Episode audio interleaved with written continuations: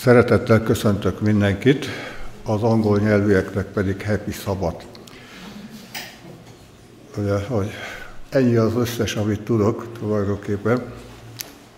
Szeretnék egy történettel nyitani, általában a fiatalok kedvéért, de ugye az idősebbek is meghallgathatják. Nemrég jártunk Nagyvázsonyba, nem tudom, járt-e valaki rajtam kívül Nagyvázsonyba, itt van, van, aki járt Nagyvázsonyba, ugye? Nagyvázsonyról azt kell tudni, hogy ott van egy vár, ami már a 14. században épült, és egy időben Kinizsi Pál volt ennek a várnak a kapitánya, ugye, aki Mátyás királynak az egyik kedvenc katonája volt, és hát ő Toldi Miklóshoz hasonlóan az erejével tűnt ki. Egy alkalommal, amikor a király vizet kért, ugye megverte a kancsót, és mivel nem volt tálcája, a, legalábbis a monda szerint ugye malomkőre tette rá, és úgy nyújtotta a királynak. És hát ennek a várnak van egy érdekessége, ami miatt az egész történetet elkezdtem mondani. Általában a várakat valahová stratégiai szempontból egy hegytetőre, domtetőre szokták építeni, Ugye ilyen például a Sümegi vár, vagy a Szigligeti vár, és hát még nagyon sok vár, ami itt Magyarországon van, általában valahol egy ilyen magaslaton van. Egyrészt ugye az ellenség nehezebben tudta megközelíteni, ők pedig hát messzebbről tudták látni az ellenséget, és hogyha valaki elmegy Nagy Imréhez hasonlóan vagy ellátogat Nagyvázsonyra, azt fogja látni, hogy a faluból nagyon kise tűnik ez a vár, mert hát ha nem is a völgy alján, de egy völgybe van, és hát nagy kérdés, hogy miért csináltak ilyen stratégiai hibát? Miért a völgybe telepítették ezt a várat, miért nem, hiszen van ott domb a közelébe, miért nem a dombra tették, ahol most a templom van, vagy még följebb ezt a várat? Hát a következő a megoldás, hogy a vár területén van egy nagyon buzgó forrás, ami már 700 évvel ezelőtt is buzgott, most is folyik, de úgy csermely indul ki belőle, és ez nagyon sebesen folyik. Azért erre építették rá a várat, mert ugye volt olyan hát harcászati dolog, hogy nem szétlőtték a várat, meg nem, hanem kiéheztették, kiszomjaztatták, és úgy gondolták, hogy aki ugye ebbe a várba biztos, hogy nem fogják kiszomjaztatni őket, hiszen a vár belsejébe ott ömlik ez a csodálatos forrás, ami most is nagyon tiszta vízű, és hát ezzel kedvet akartam adni, hogy látogassatok el. De mi a lelki tanulság? Ugye lehet a lelki életet különböző dolgokra építeni, mi hiszünk abba, hogy ez az egyedüli könyv az, amire a lelki életünk kell, hogy épüljön. Ugye ez az a lelki forrás, amelyik buzgon fakad, és ami, ha, amire építjük a várunkat, akkor az meg fog állni örökké. Isten kegyelméből. A Mózes második könyve 32. fejezet 21. versétől olvasok igét. Viszonylag hosszú szakaszt fogok olvasni, de annak ellenére törekszem majd, hogy délre befejezzük, mert ha meghúzzák a harangot, akkor ugye a Pavlovi reflex beindul. Tehát Mózes első könyve 32. fejezet 21. verstől olvasom a fejezet végéig. Előre ment tehát az ajándék, ő pedig azon éjjel a seregnél hát. Felkelt pedig ő azon az éjszaka, és vette a két feleségét, két szolgálóját és tizenegy gyermekét, és által ment a jabbok révén. Vette hát azokat, és átköltöztette a vizen, aztán átköltöztette mindenét, valamilyen volt. Jákob pedig egyedül maradt, és tusakodott ővele egy férfiú egészen a hajnal feljöveteléig. S aki, amikor látta, hogy nem vehet rajta erőt, megillette csipőjének forgócsontját, és kiment a helyéből, Jákob csipőjének forgócsontja, és a vele való tusakodás közben. És mondta, bocsáss el engem, mert feljött a hajnal. És mondta Jákob, nem bocsátlak el téged, még nem, meg nem áldasz engemet. És mondta néki, mi a te neved? És ő mondta, Jákob. Amos pedig mondta, nem Jákobnak mondatik ezután a te nevet, hanem Izraelnek, mert küzdöttél Istennel és emberekkel, és győztél. És megkérdezte Jákob, és mondta, mondd meg kérlek a te nevedet, azt pedig mondta, ugyan miért kérded az én nevemet, és megáldotta őt ott. Nevezte azért Jákob annak a nevét Pénielnek, mert láttam az Isten színről színre, és megszabadult az én lelkem. És a, és a nap felkelt rajta, amint elment Pénuel mellett, pedig sántított a csipőjére. Azért nem eszik Izrael fiai a csipő forgócsontjának inahusát mind a mai napig, mivel hogy illette Jákob, illetve volt Jákob csipője forgócsontjának inahusa. Ez a történet sokkal régebben kezdődik, mint amit itt elolvastam. Érdekes dolog az, és nem tudom, hogy úgy elgondolkodtatok ezen, hogy talán az egyik legromantikusabb lánykérés a Izsáknak a lánykérése. Emlékszünk arra a dologra, hogy a papa, ugye Ábrahám megbízza az egyik legidősebb, vagy hát ugye rangba előálló szolgáját, hogy menjen és hozzon a fiának hárámból feleséget. Mert nem akarta, hogy pogány feleséget vegyen el, hanem olyat, aki hasonlóképpen gondolkodik, mint ő, és el is ment, ugye a szolga, és elhozta Rebekát, és azt olvassuk, hogy amikor egymásban meglátták egymást, akkor hát megszerették egymást.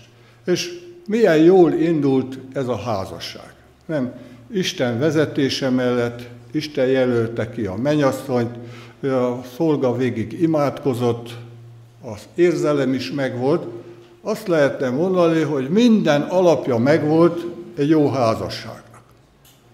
És később ugye azt olvassuk, amikor sor kerül volna az első szülöttségi áldásra, akkor a papa olyan maszek dolgot követel, azt csinálja, hogy beszél az ő kedvenc fiával, Ézsauval, azt mondja, menj fiam, vadászál, és hogyha elhoztad az állatot, és elkészítetted olyan vadasan, ahogy én szeretem, akkor majd megáldalak, mintha Rebeka, meg Jákob nem is léteztek volna. Ők ugye egy másik csoport voltak ott a, ebbe a családba, és hát ebből következett, vagy ez is hozzájárult, inkább azt mondom, ahhoz a csaláshoz, hogy Jákob ugye a anyja fölbújtására megcsalta az édesapját, ugye, aki akkor már nem jól látott, és Ézsauként ment be.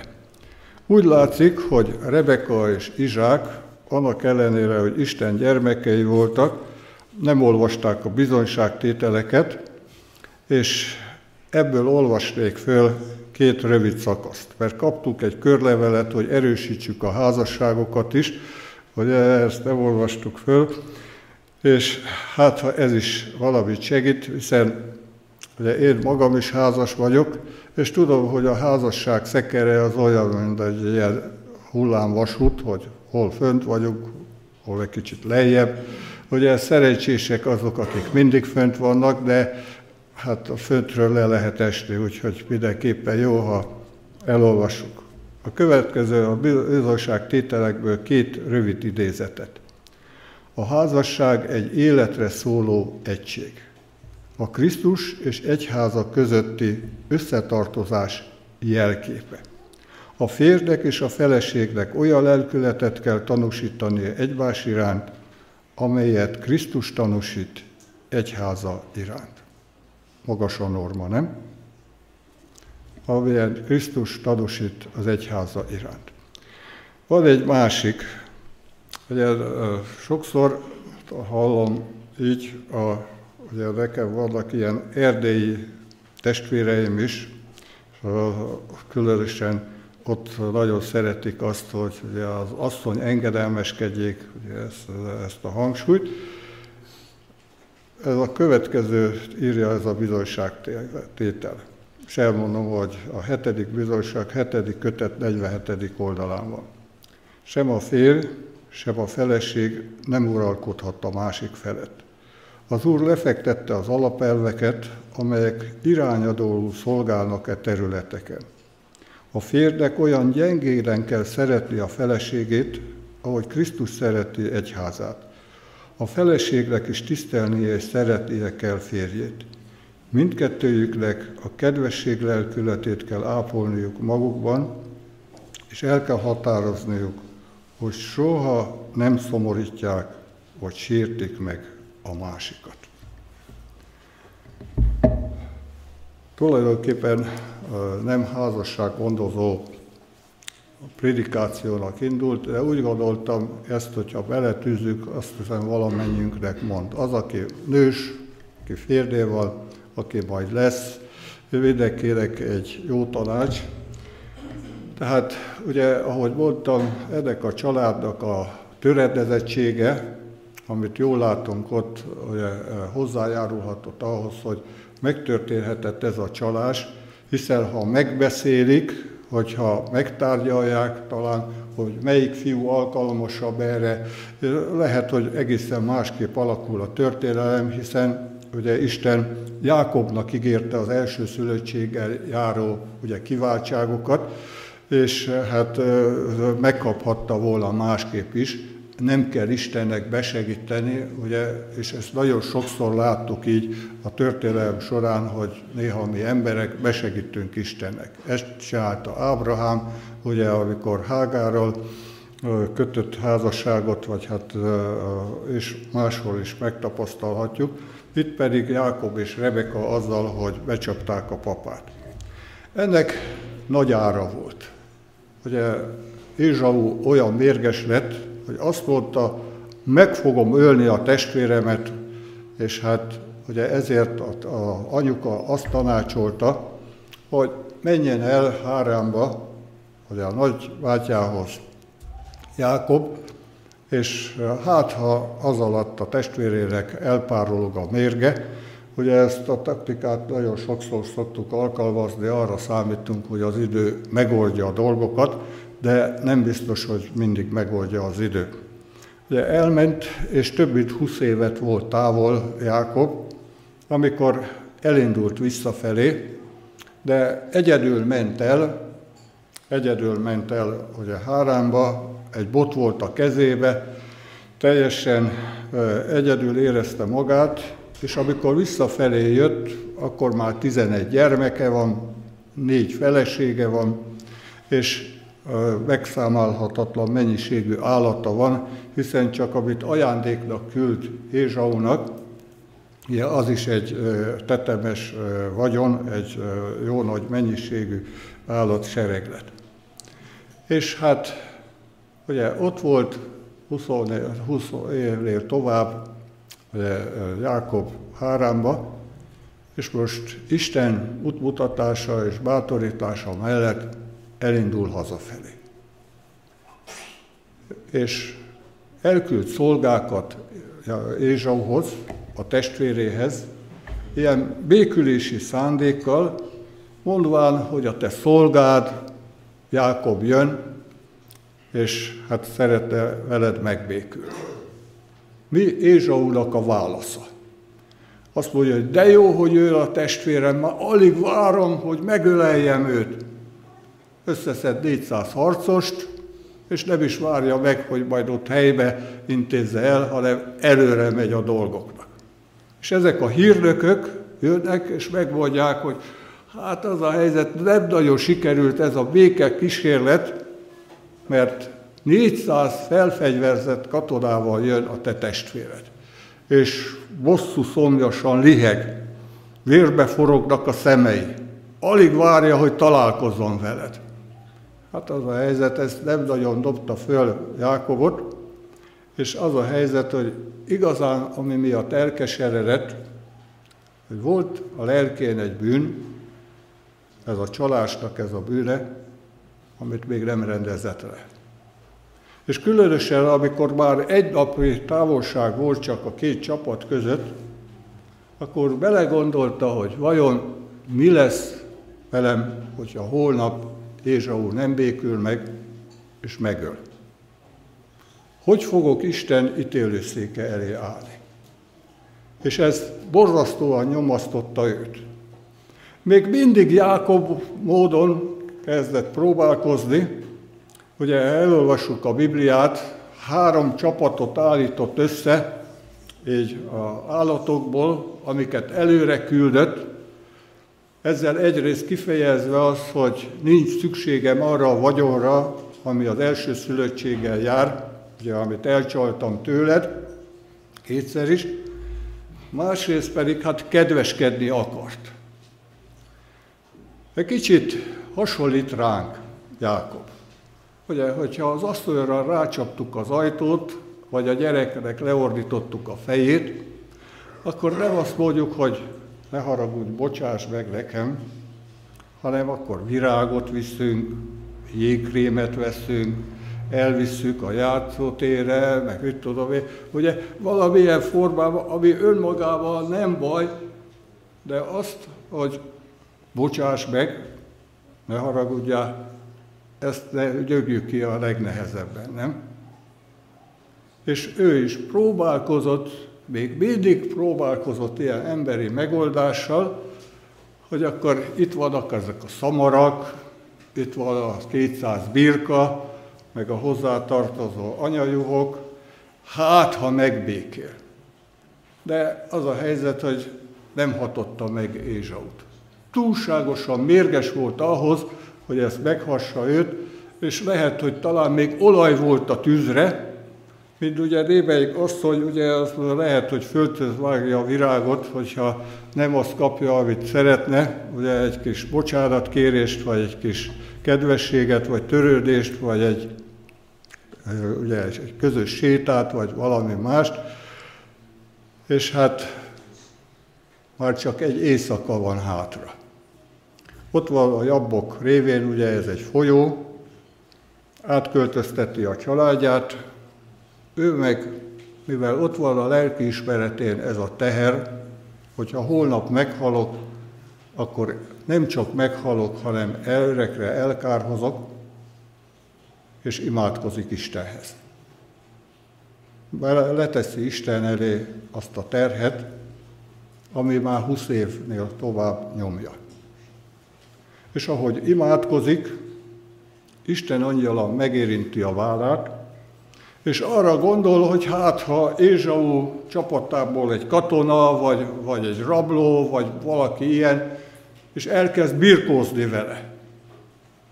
Teljes erejével küzd Jákob, de nem tudja legyőzni ezt az ismeretlet.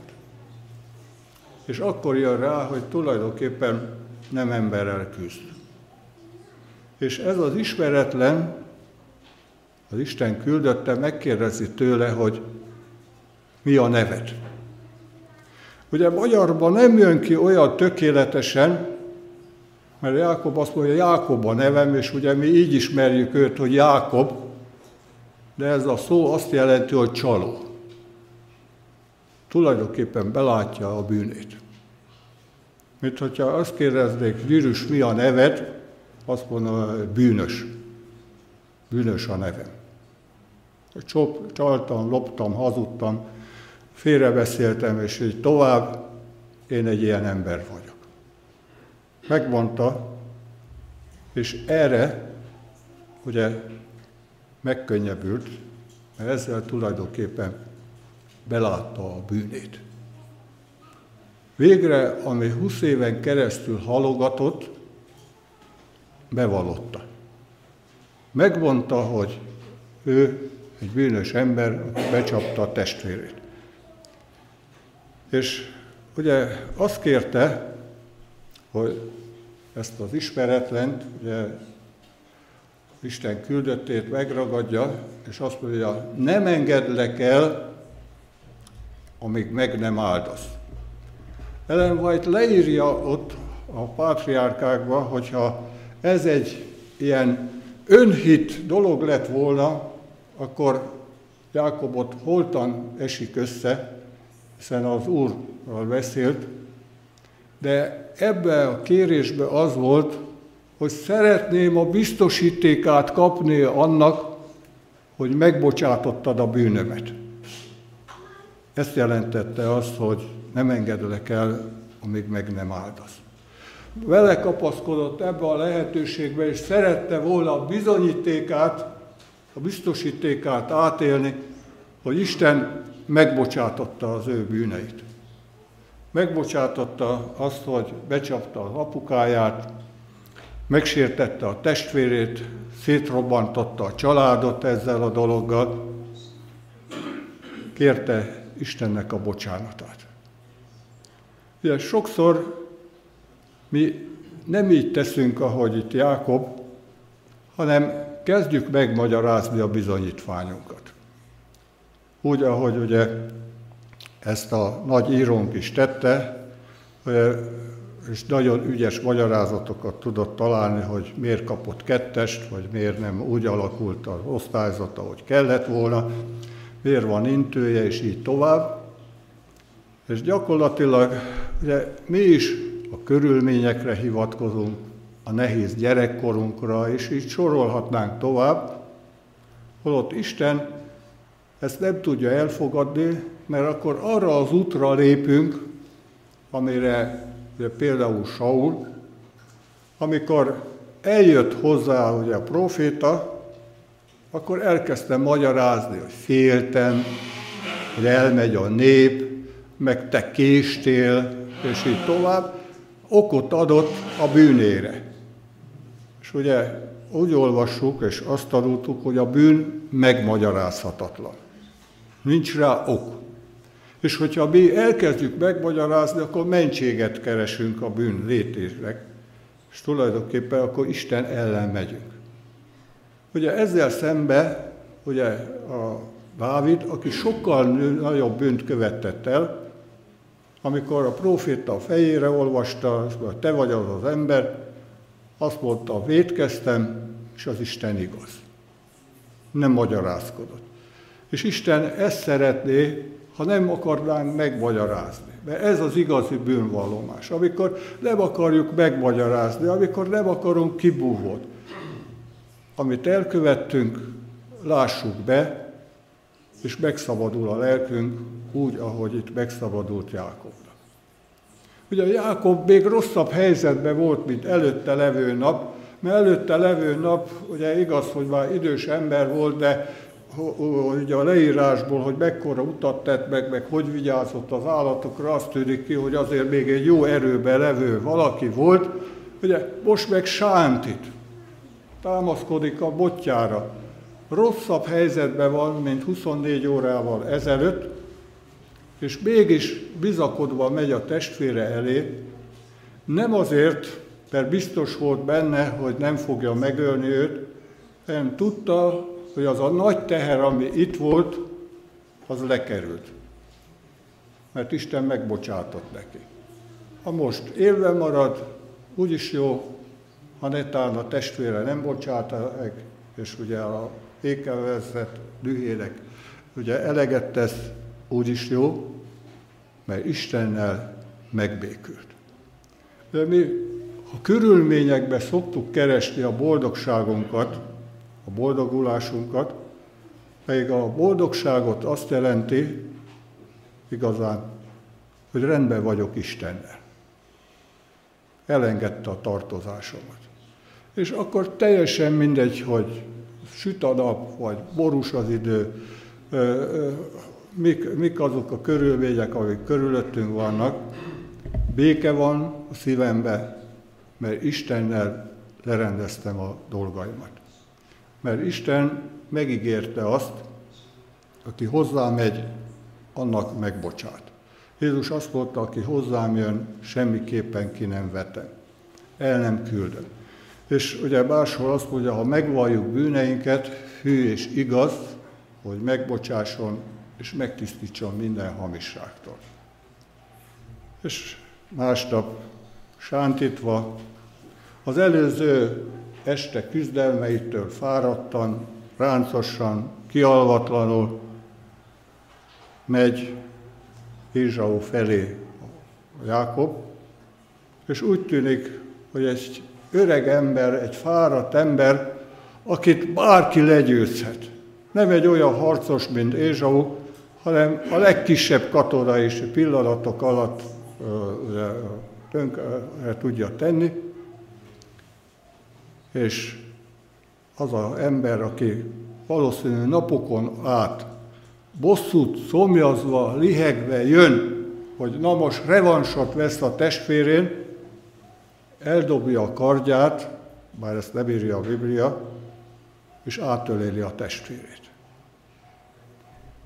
Megbékélés történik. Isten ezt plusz ajándéknak adta Jákobnak, azon túl, hogy megbocsátotta a bűnét. És úgy gondoljuk, hogy ha ferek vagyunk, akkor sebezhetőké válunk. Hát nem volt elég sebezhető Jákob azzal, hogy sántított, hogy öreg volt, hogy belátott minden, és mégis ezzel győzött.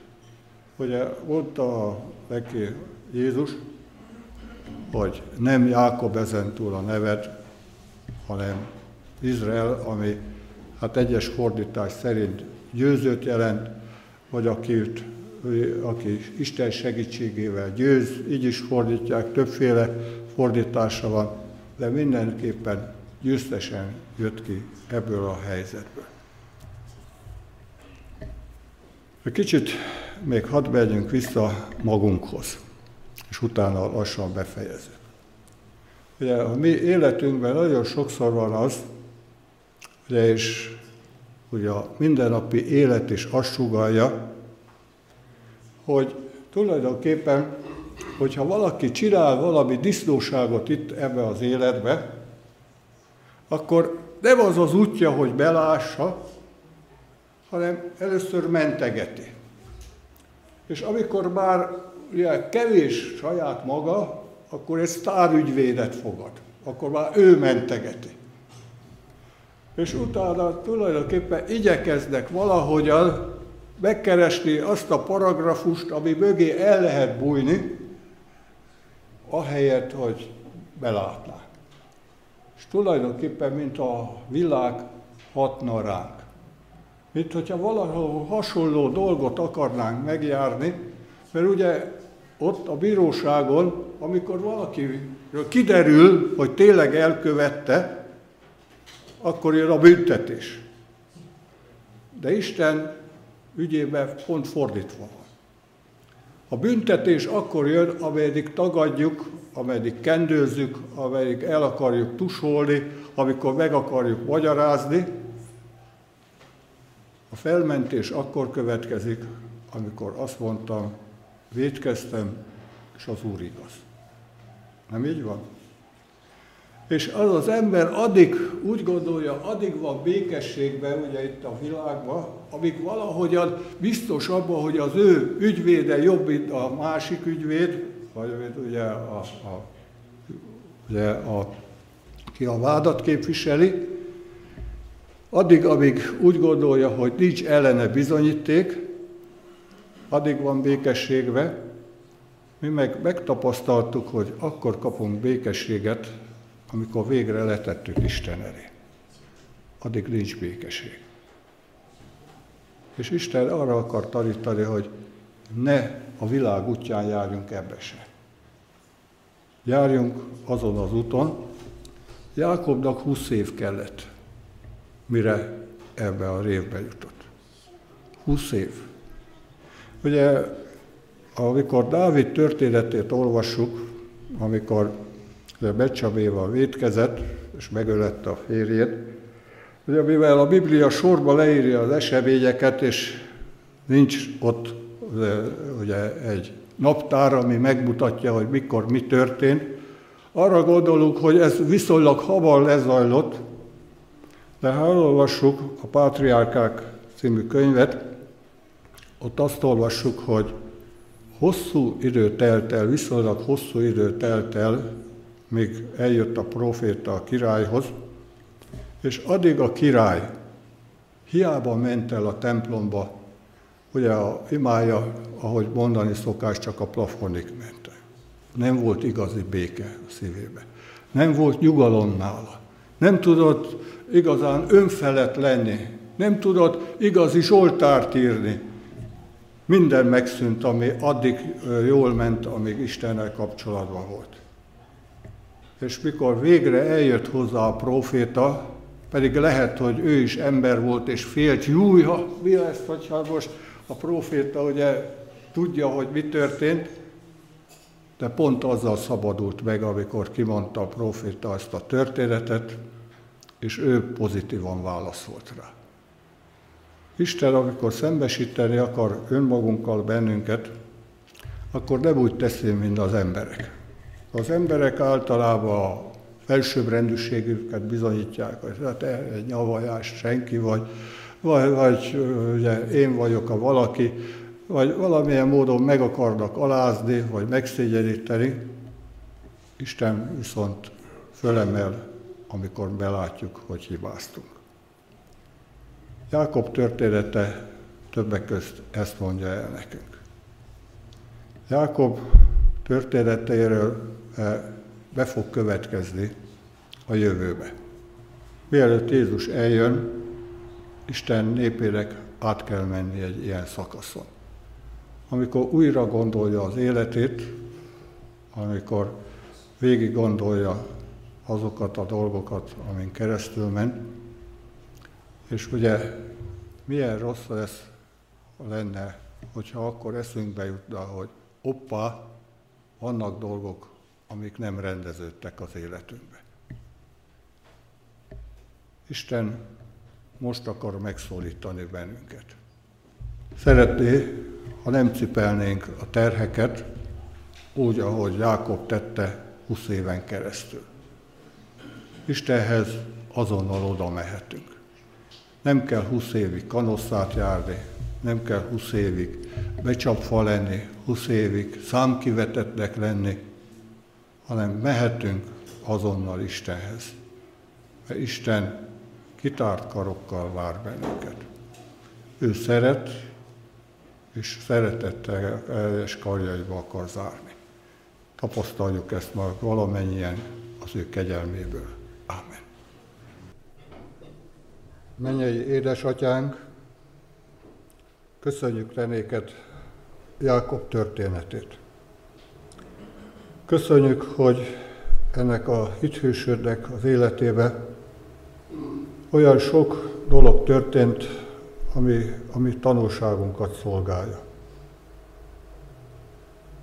Köszönjük, Atyánk, hogy Te megmutattad, hogy milyen könyörülő vagy a bűnöshöz, aki belátja az ő bűnét, és nem fedezi el azt.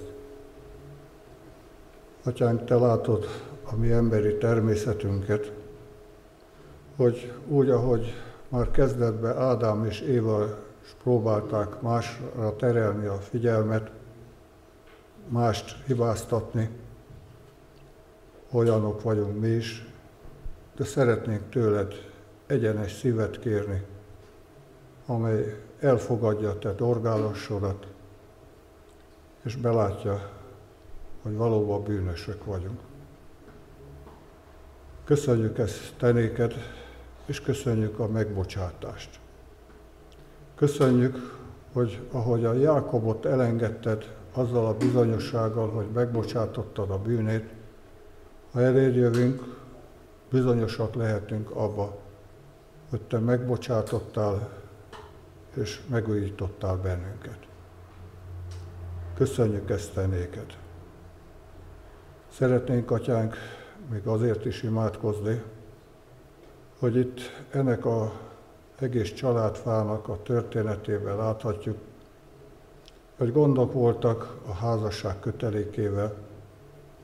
Szeretnénk kérni, hogy segíts, hogy olyan férjek és olyan feleségek tudjunk lenni, hogy a bizonságtétel írta, hogy az a te eredeti elképzelésed. Kérünk, segíts ebbe is bennünket. Köszönjük, Atyánk, hogy meghallgatsz. köszönjük a támogatásodat, köszönjük szent lelked erejét. Így áldva és magasztalva mindezekért. Amen.